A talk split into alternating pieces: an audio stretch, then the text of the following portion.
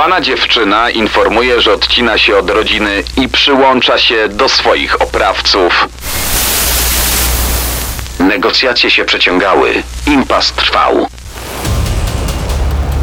Płatni zabójcy, seryjni mordercy i sceny zbrodni w RMFFM. Sceny zbrodni. Dzisiaj e, zajmujemy się, no właśnie, syndromem. Często się tak mówi, jak syndrom to sztokholmski. Czyli taki stan psychiczny, gdy ofiara przemocy zaczyna współczuć oprawcy, identyfikować się z nim, solidaryzować, sympatyzować, a wręcz sama od siebie zaczyna pomagać swojemu, jakby nie było, ciemiężycielowi. Choć niektórzy kojarzą to hasło z inną skandynawską stolicą, dokładnie fińską, i mówią syndrom helsiński. Po tym programie nie będzie wątpliwości, że to wynalazek Szwedów. A zaczęło się od głośnego napadu na Kreditbanken właśnie w Sztokholmie i o nim już za chwilę. A później najsłynniejszy na świecie przypadek syndromu sztokholmskiego. Sprawa Patty Hearst, dziedziczki fortuny magnata prasowego.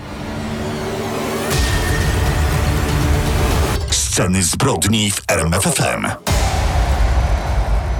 Syndrom sztokholmski to nas dzisiaj interesuje w scenach zbrodni, cytując jeden ze słowników. Stan psychiczny występujący u osób będących ofiarami porwania lub zakładnikami, które po pewnym czasie zaczynają odczuwać sympatię do swoich oprawców, a nawet się z nimi solidaryzują. Zjawisko to było znane wcześniej, jednak w 1973 roku, gdy doszło do napadu na Kreditbanken w Sztokholmie, gdy sprawcy wzięli zakładników, biegły psycholog Nils Beirot, próbując wytłumaczyć dziennikarzom relacje napastników i ofiar, użył właśnie takiego określenia.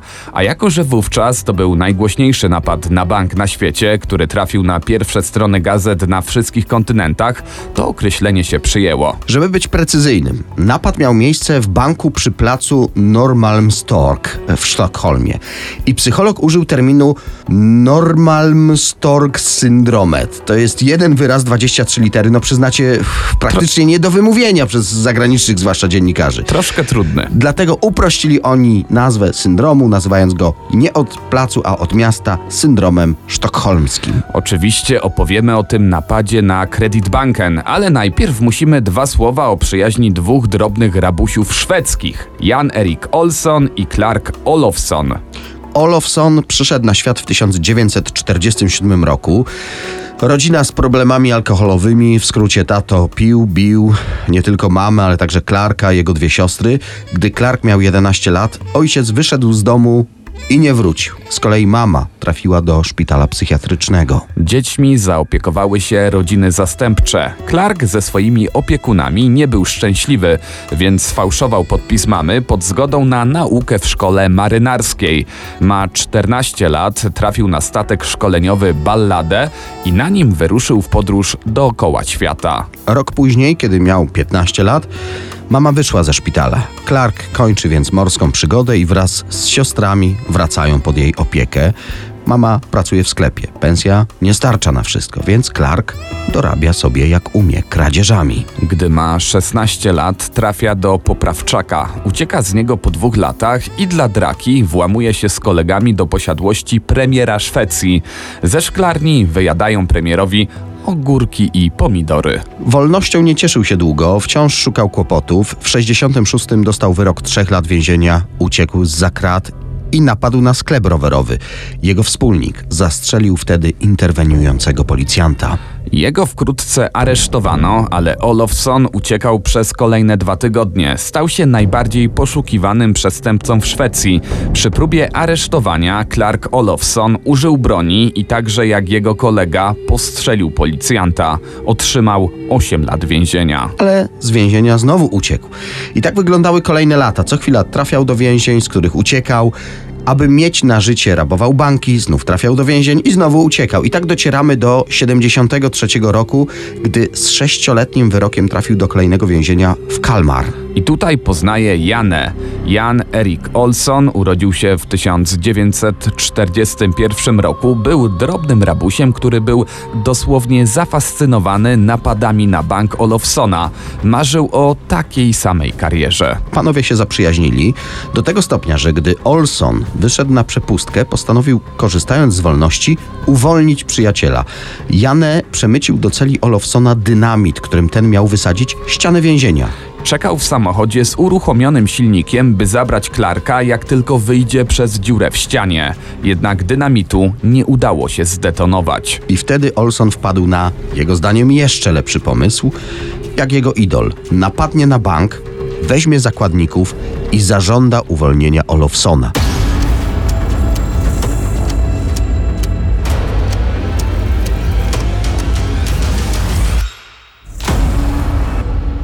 Godzina 10 rano. Okolica placu Normalmstorg w Sztokholmie. Do sklepiku z prasą wchodzi 32-letni Janne Olsson. Dźwigając niewielką torbę, udał się do toalety, zaryglował drzwi. Z torby wyciągnął ciemną pastę do butów i perukę. Ufarbował sobie twarz, założył perukę, pod kurtkę wsunął szwedzki karabin maszynowy Karl Gustav M45 Coupist, upewnił się, że materiał wybuchowy jest w torbie, założył ją na ramię i wyszedł ze sklepiku. Kilkadziesiąt kroków dosłownie i już był przy majestatycznej pięciopiętrowej kamienicy pod adresem Plac Normalmstorg 2, główna siedziba Kreditbanken. Otworzył szerokie drzwi do banku. Przytrzymał je dla wychodzącej staruszki, ukłonił się jej uprzejmie, gdy drzwi się za nim zamknęły i był w głównej sali banku, rzucił torbę na podłogę, wyciągnął spod kurtki karabin i strzelił sześć razy w sufit. Zaczął krzyczeć po angielsku dla zmylenia świadków. The party starts, down on the floor. Impreza się zaczyna na podłogę. Przejął kontrolę nad placówką, wybrał trzy pracowniczki banku jako zakładniczki. Reszcie pracowników i klientów kazał wyjść na zewnątrz. Ludzie w panice wybiegli. No niemal natychmiast powiadomiono policję, na plac podjechały radiowozy, policjanci obstawili okoliczne uliczki. Dwójka funkcjonariuszy odważnie weszła do środka. Olson zaczął strzelać. Jeden został trafiony w ramię. Wycofali się z banku i zaczęły się negocjacje. Ku zaskoczeniu policji, napastnik nie chciał uciec z pieniędzmi. Zażądał uwolnienia z więzienia Norrköping słynnego szwedzkiego kryminalisty Clarka Olofsona. Policja miała przywieźć go natychmiast do banku. Clark miał dostać dwa pistolety, dwie kamizelki kuloodporne i dwa hełmy. Do tego miał otrzymać 3 miliony koron szwedzkich, a przed bankiem miał czekać szybki samochód z pełnym bakiem, którym mogliby uciec. Jeśli te żądania nie zostaną spełnione, zakładniczki zginą. Tej decyzji policja nie mogła podjąć bez porozumienia z premierem Szwecji. Rząd Olofa Palmego zorganizował więc sztab kryzysowy. Szybko zdecydowano, że żądania porywacza zostaną spełnione. Sześć godzin później Clark Olofsson z wyposażeniem wszedł do Kreditbanken. Przed drzwiami podstawiono Forda Mustanga. Przyjaciele padli sobie w objęcia. Chwilę później okazało się, że nie są w banku jedynymi mężczyznami. Poza trzema zakładniczkami, w jednym z pomieszczeń na zapleczu schował się pracownik banku Sven Safstrom. Został czwartym zakładnikiem niespodziewanie. Mimo spełnienia wszystkich żądań, rabusie nie opuścili banku. Zostali w nim na noc. Wraz z zakładnikami zabarykadowali się w bankowym skarbcu. Następnego dnia policjanci ustalili tożsamość tego tajemniczego dotąd napastnika. Ten żądał nietykalności, żądał tak, żeby pozwolono mu wsiąść do samochodu wraz z zakładnikami. Na to policja nie chciała się zgodzić. Na negocjacjach minął kolejny dzień. Policjanci zdecydowali się odbić zakładników. Niespodziewanie udaremniła to jedna z porwanych kobiet, która stanęła po stronie napastników. Jest piątek wieczorem. Policjanci zablokowali od zewnątrz drzwi skarbca, także rabusie zostali uwięzieni. Niestety z trzema pracowniczkami banku i jednym pracownikiem. Funkcjonariusze chcieli zmiękczyć napastników. Mija więc noc, mija kolejny dzień i znów kolejna noc. Impas trwa. W niedzielę policja zaczęła wiercić otwór w stropie skarbca, by wpuścić do środka gaz i ostatecznie w ten sposób przejąć kontrolę, obezwładnić napastników, a następnie bezpiecznie przebić się do skarbca i uwolnić zakładniczki. To nie było łatwe zadanie. Żelbetowy zbrojony strop miał aż 65 cm grubości. Olson i Olofsson jednak użyli granatu, by zniszczyć wiertło. Wywołali także spięcie, by nie było zasilania dla wiertarki. Usterkę naprawiono, ale dało to porywaczom czas na przygotowanie się na atak. Przez otwór policja wpuściła aparat fotograficzny i zrobiła zdjęcia wnętrza skarbca. Jedno ze zdjęć stało się naprawdę słynne. Znajdziecie je w internecie. Widać na nim spoglądającego w aparacie Clarka Olofsona, a naprzeciwko trzy kobiety skulone przy ścianie ze skrytkami. Z tych skrytek zwisają pętle. Napastnicy zagrozili, że założą je na szyję pracowniczek Credit Banken. Jeśli policja użyje gazu, stracą one świadomość, no i w konsekwencji uduszą się na tej prowizorycznej szubienicy.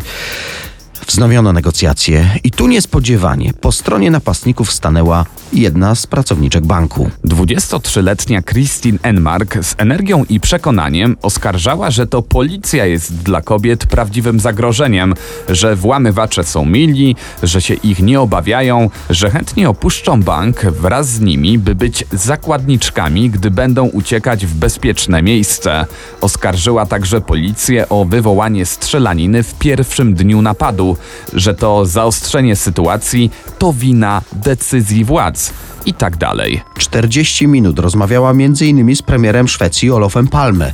Powiedziała do niego: W ogóle się ich nie boję. Ufam im w pełni. Nie możesz po prostu dać zgody, żebyśmy odeszły z nimi? Kobieta, jak się okazuje, przez to zamknięcie w skarbcu z napastnikami była dobrze traktowana. Na tyle dobrze, że zakochała się w Clarku Olofsonie. Chciała tak bardzo pomóc przestępcom, że wręcz namawiała zakładnika Svena, by dał się dobrowolnie postrzelić w nogi. Dzięki temu policjanci potraktowaliby sytuację poważniej, no i wypuściliby wszystkich. Do tego nie doszło. Inne argumenty kobiety też nie działały. Policja zgodziła się puścić porywaczy, by uciekli podstawionym samochodem.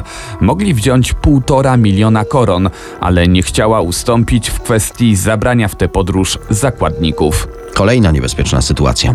Janne Olson, ten, który zaczął napad, strzelił do powstającego otworu w stropie. Ranił poważnie jednego z techników wiercących otwór. Kula przeszła przez ramię i policzek mężczyzny. Znów wstrzymano odwiert, znów negocjacje się przeciągały. Impas trwał. Jest piąty dzień napadu, wtorek 28 sierpnia, zbliża się godzina 21.30. Policja w końcu znalazła sposób, by bezpiecznie odbić skarbiec.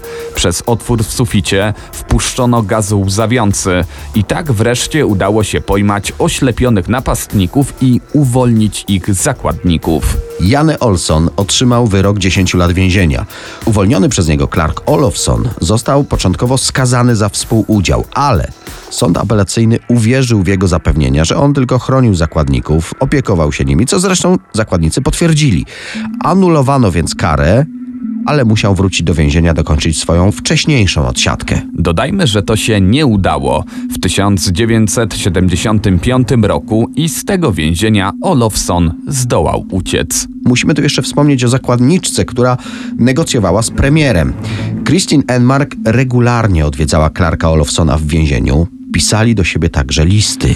Rzuciła pracę w banku, zatrudniła się w systemie edukacji, postanowiła zostać psychologiem i w ten sposób pomagać tym, którzy zbłądzili i wpadli w tarapaty. W 2015 roku napisała książkę opisującą wydarzenia w Credit Banken. Zawarła w niej to, jak zakochała się w jednym z napastników. Płatni zabójcy, seryjni mordercy i sceny zbrodni w RMFFM.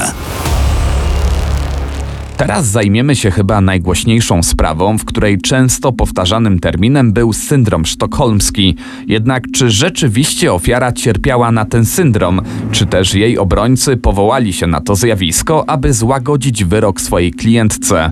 Poznajcie niezwykle kontrowersyjną historię Patty Hearst. Na Uniwersytecie Kalifornijskim w Berkeley Patty Hearst studiuje historię sztuki. Pochodzi z wyjątkowej rodziny. Dziadek dziewczyny, William Randolph Hearst, był największym w kraju wydawcą gazet. Ojciec dziennikarstwa tabloidowego, tak o nim mówiono. W swoich tytułach stawiał nacisk na sensacje, na historię najbardziej znanych osób. Jego metody były bardzo skuteczne i dorobił się prawdziwej fortuny. Wpływowa rodzina Hearst słynęła ze swoich antykomunistycznych poglądów. Wróćmy jednak do Patty. Przez większość życia była trzymana pod kloszem, z dala od problemów zwykłych ludzi. W 1974 roku dziewiętnastolatka mieszka w Berkeley razem ze swoim narzeczonym Stevenem, doktorantem filozofii. Tak docieramy do 4 lutego. Patty razem ze swoim partnerem odpoczywa w mieszkaniu po zajęciach. W pewnym momencie ktoś puka do drzwi.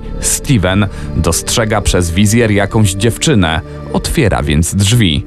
To była pułapka. Chłopak dostaje kilka ciosów kolbą od pistoletu maszynowego. Do mieszkania wchodzi dwóch czarnoskórych mężczyzn. Jeden z nich wynosi z budynku zastraszoną dziewiętnastolatkę, która była ubrana jedynie w szlafrok. Wrzucają dziewczynę do bagażnika Chevroleta. Porywacze oddają kilka strzałów, aby rozpędzić świadków całego zdarzenia i odjeżdżają. Całe zajście trwało zaledwie kilka minut. Skrupulatnie zaplanowana akcja. Dwa dni później do lokalnej stacji radiowej KPFA przychodzi wiadomość. Do uprowadzenia Patty przyznaje się lewicowa grupa rewolucyjna SLA, Symbioniczna Armia Wyzwolenia. Założycielem tej ekstremistycznej organizacji był Donald DeFries, pseudonim Sinqui.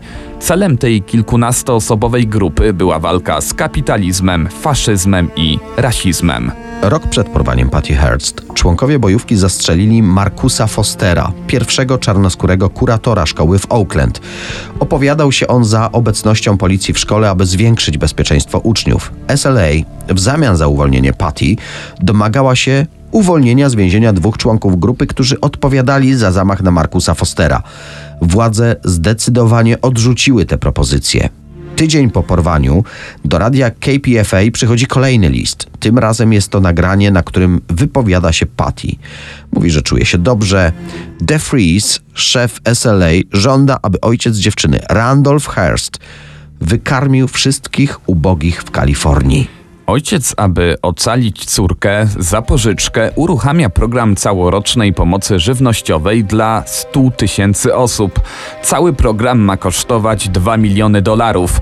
Tymczasem przechodzą kolejne wiadomości od DeFreeza, który żąda, aby Hearst zwiększył pomoc do 6 milionów dolarów. Randolph Hearst odmawia. 9 marca na czwartej wysłanej przez porywaczy taśmie Patty Hearst krytykuje swoich rodziców. Na początku kwietnia Symbioniczna Armia Wyzwolenia zapowiada, że wkrótce poinformuje o szczegółach uwolnienia zakładniczki. Jednak dzień później do stacji radiowej dociera taśma z szokującą treścią. Porwana niespełna dwa miesiące wcześniej dziewczyna informuje, że odcina się od swojej rodziny, którą gardzi i przyłącza się do swoich oprawców. Od tego momentu nie nazywa się już Patty, tylko Tania, na cześć towarzyszki Ernesto Che Guevary. Do wiadomości dołączono jeszcze zdjęcie dziewczyny w mundurze z karabinem w ręku. Rodzice Patty nie mogli uwierzyć w to, aby ich córka z własnej woli zdecydowała się na taki krok.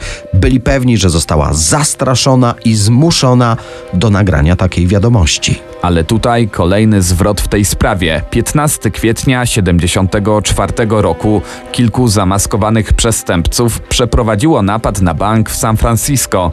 Podczas skoku postrzelono dwie osoby. Jedna z nich, kobieta, umiera w wyniku tych obrażeń. Z oddziału Hibernia Bank złodzieje zabrali 10 tysięcy dolarów. Jeden ze świadków zeznał, że wśród przestępców znajdowała się dziewczyna o imieniu Tania. Na niezwykle szczegółowych zdjęciach z monitoringu można dostrzec kobietę w peruce z karabinem M1. Funkcjonariusze od razu rozpoznali Patty Hearst. Tydzień po napadzie FBI publikuje listy gończe ze zidentyfikowanymi sprawcami napadu na bank. Zaginiona dziewczyna, której losem żyła cała Ameryka, no to prawdziwy szok, uczestniczy w krwawym skoku. Poszukiwana, ale już listem gończym, Patty Weltania wysyła kolejne nagranie. Przyznaje się w nim do udziału w napadzie. Swoją rodzinę nazywa kapitalistycznymi świniami. Obraża również swojego narzeczonego Stevena. Wyśmiewa hipotezę, że poddano ją praniu mózgu. Do kolejnego przestępstwa dochodzi miesiąc później w Los Angeles. Patty Hearst strzela w witrynę sklepu sportowego, aby pomóc swoim kompanom z SLA, którzy zostali złapani na próbie kradzieży. Przez ten incydent policja wie, że członkowie symbionicznej Armii Wyzwolenia są w mieście. Już następnego dnia, 17 maja, przeprowadzają nalot na główną bazę organizacji. Policja, w tym legendarne oddziały SWAT, otoczyły budynek. Doszło do poważnej wymiany ognia. Strzelanina trwała 3 godziny i była transmitowana na żywo w amerykańskiej telewizji. W efekcie zaciętych walk i pożaru zginęło sześciu członków SLA, w tym przywódca bojówki Donald DeFries, który popełnił samobójstwo. Patty Hearst nie było jednak w domu podczas nalotu. Oglądała tę strzelaninę w telewizji. Trzy tygodnie później wysyła ostatnią, siódmą taśmę, w której z uznaniem wypowiada się o zabitych członkach partyzantki. Zapewnia, że nadal będzie walczyć i wyznaje miłość innemu z członków SLA.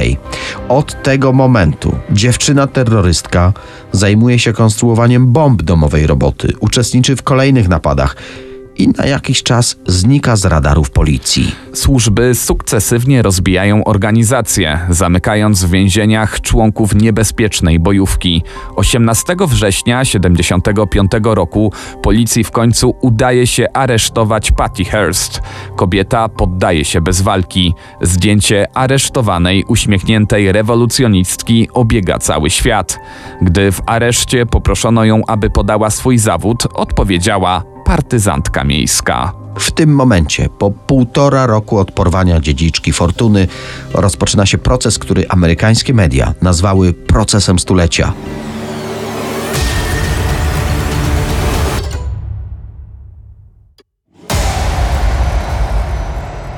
Mimo swoich deklaracji o tym, że jest szczęśliwa, że czuje się wolna, kobieta po ponadrocznym pobycie w organizacji terrorystycznej była wrakiem człowieka. Paliła sporo papierosów, ważyła zaledwie 40 kg, miała duże luki w pamięci. Psycholog obserwująca Patty stwierdziła, że kobieta zachowuje się jak zombie. Proces rozpoczął się 15 stycznia 1976 roku. Obrońcą Patty Hearst został Francis Lee Bailey, znany później z głośnego procesu O.J. Simpsona. Linia obrony skupiła się na tym, że oskarżona uczestniczyła we wszystkich przestępstwach, ponieważ została poddana praniu mózgu i bała się o swoje życie. Powoływano się również na syndrom sztokholmski. Porwana zaczęła solidaryzować się z terrorystami do tego stopnia, że sama stała się terrorystką. Z zeznań kobiety wynikało, że przez 57 dni była przetrzymywana w niewielkiej szafie. Na posiłki wypuszczano ją w opasce na oczy. Powoli włączała się w dyskusję z oprawcami SLA i w końcu zaczęła studiować ich manifesty polityczne. Dano jej wybór: albo dołącza do bojówki, albo zginie. Na taśmach, które docierały do mediów, miały znajdować się wcześniej przygotowane treści, które Patty odczytywała pod presją porywaczy. Wiele emocji budziło również jej zachowanie podczas napadu na bank. Według obrony kobieta zachowywała się tak, ponieważ była na celowniku jednego z członków grupy terrorystycznej. Pytań w tej sprawie jest więcej niż odpowiedzi. Streszczając w oczach prokuratury, Patty Hearst była niemoralnym przestępcą. Natomiast obrona starała się wykazać, że przestępstwa były wynikiem traumy, którą przeżyła pokrzywdzona. Finalnie uznano, że Patty Hearst dobrowolnie uczestniczyła w napadzie na bank i dobrowolnie strzelała w kierunku sklepu sportowego. 20 marca 1976 roku decyzją ławy przysięgłych została skazana na 35 lat więzienia. Wyrok został jednak skrócony do 7 lat pozbawienia wolności. Ostatecznie prezydent Jimmy Carter jeszcze bardziej ten wyrok złagodził. Patty Hearst wyszła na wolność 1 lutego 1979 roku. Kilka miesięcy po zwolnieniu z więzienia Patty poślubiła swojego ochroniarza. Para doczekała się dwójki dzieci. W styczniu 2001 roku kobieta odzyskała prawa obywatelskie ze względu na pełne ułaskawienie z rąk prezydenta Billa Clintona. Patty Hearst rozpoczęła później karierę aktorską i zagrała w kilku filmach Johna Watersa. Dzisiaj, blisko pół wieku po tych wydarzeniach, nadal otwarta jest dyskusja, co tak naprawdę motywowało uprowadzoną kobietę, która dołączyła do terrorystów. Czy kobieta rzeczywiście cierpiała na syndrom sztokholmski, czy też jej adwokat uznał, że to najlepsza linia obrony. Sceny zbrodni w RMFFM.